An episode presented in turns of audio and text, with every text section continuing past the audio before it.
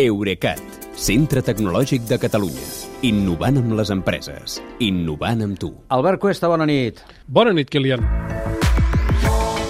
Estava previst, però una cosa és que estigui previst, l'altra és que passi, i finalment sí que ja comença a passar. Twitter ha començat avui a despatxar gent i a reduir altres despeses. I tu, com si fos un partit de qualsevol esport, tu estàs seguint aquesta transmissió minut a minut, eh, per entendre? Uh, sí, perquè una de les coses que encara no sabem és quanta gent anirà uh, finalment al carrer. El que sí sabem és que els acomiadaments no s'estan no fent de la millor manera, diguem-ne. No? No, segons el Washington Post, aquest matí, hora nostra, que quan a San Francisco encara dormien, tot el personal del, de Twitter al món ha rebut un missatge genèric de correu que els venia a dir eh, aquest divendres no vinguis a treballar i si has sortit de casa, torna-hi. Si, la, si a partir de la setmana que ve contem amb tu, t'avisarem al correu de la feina. Però si et fotem al carrer, eh, ho farem al correu personal. déu nhi eh, Com que la majoria dels empleats de Twitter treballen a la Califòrnia, han, han anat rebent la notícia durant aquestes últimes hores.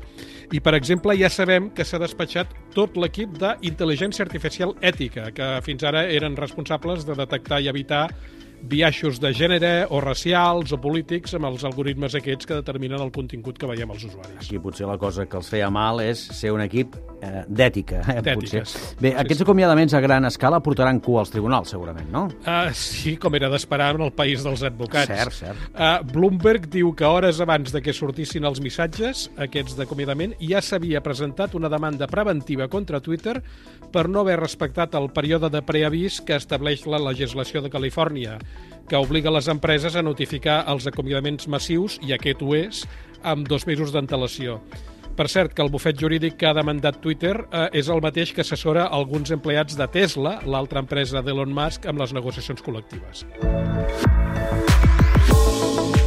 En canvi, ahir apuntaves que potser alguns enginyers de Twitter marxarien voluntàriament per no haver de tornar a treballar a les oficines de l'empresa com vol Musk ja, a veure, ja ho sabem, hi ha molts programadors que ja no volen renunciar al teletreball. El que passa és que ja comença a no ser tan senzill trobar feina en un altre lloc, a Silicon Valley.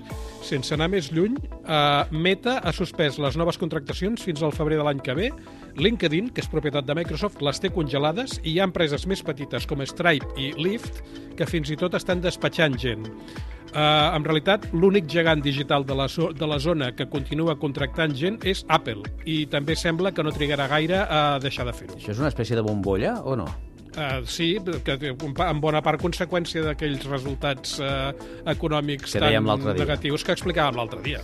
Molt bé. Escolta'm, a més del capítol de personal, que és molt interessant, vaja, sobretot pels afectats, Mas també s'ha proposat reduir altres despeses. Sí, i per una banda, Twitter tancarà serveis i productes que no li siguin rendibles a curt termini. Per exemple, eh, l'empresa treballava amb un criptomoneder que ja no es farà i la plataforma de, la plataforma de butlletins per correu electrònic Review, que Twitter va comprar l'any passat, tancarà a finals d'aquest any. Però és que a sobre, i segons Reuters, Musk ha demanat als enginyers d'infraestructura de Twitter que redueixin la despesa amb 1.000 milions de dòlars a l'any. És a dir, per, per dir-ho d'una altra manera, Twitter disposarà cada dia de 3 bilions d'euros menys que fins ara per pagar servidors i altres serveis als núvols. En conseqüència, tindrà menys recursos per entrenar els seus algoritmes d'intel·ligència artificial i fins i tot pot ser que la, la plataforma perdi disponibilitat i acabi caient més sovint per manca de capacitat. Això vol dir que tornarem a veure aquell, aquella, aquella balena, simpàtica, però balena, que sortia sí. mentre Twitter no funcionava? Sí, eh, i que creiem haver perdut de vista per sempre, però és que es veu que tot acaba tornant. Fins i tot les balenes. Fins i tot les balenes. Bon cap de setmana, Albert. Fins dilluns que li per nit. Eurecat, centre tecnològic de Catalunya. Innovant amb les empreses. Innovant amb tu.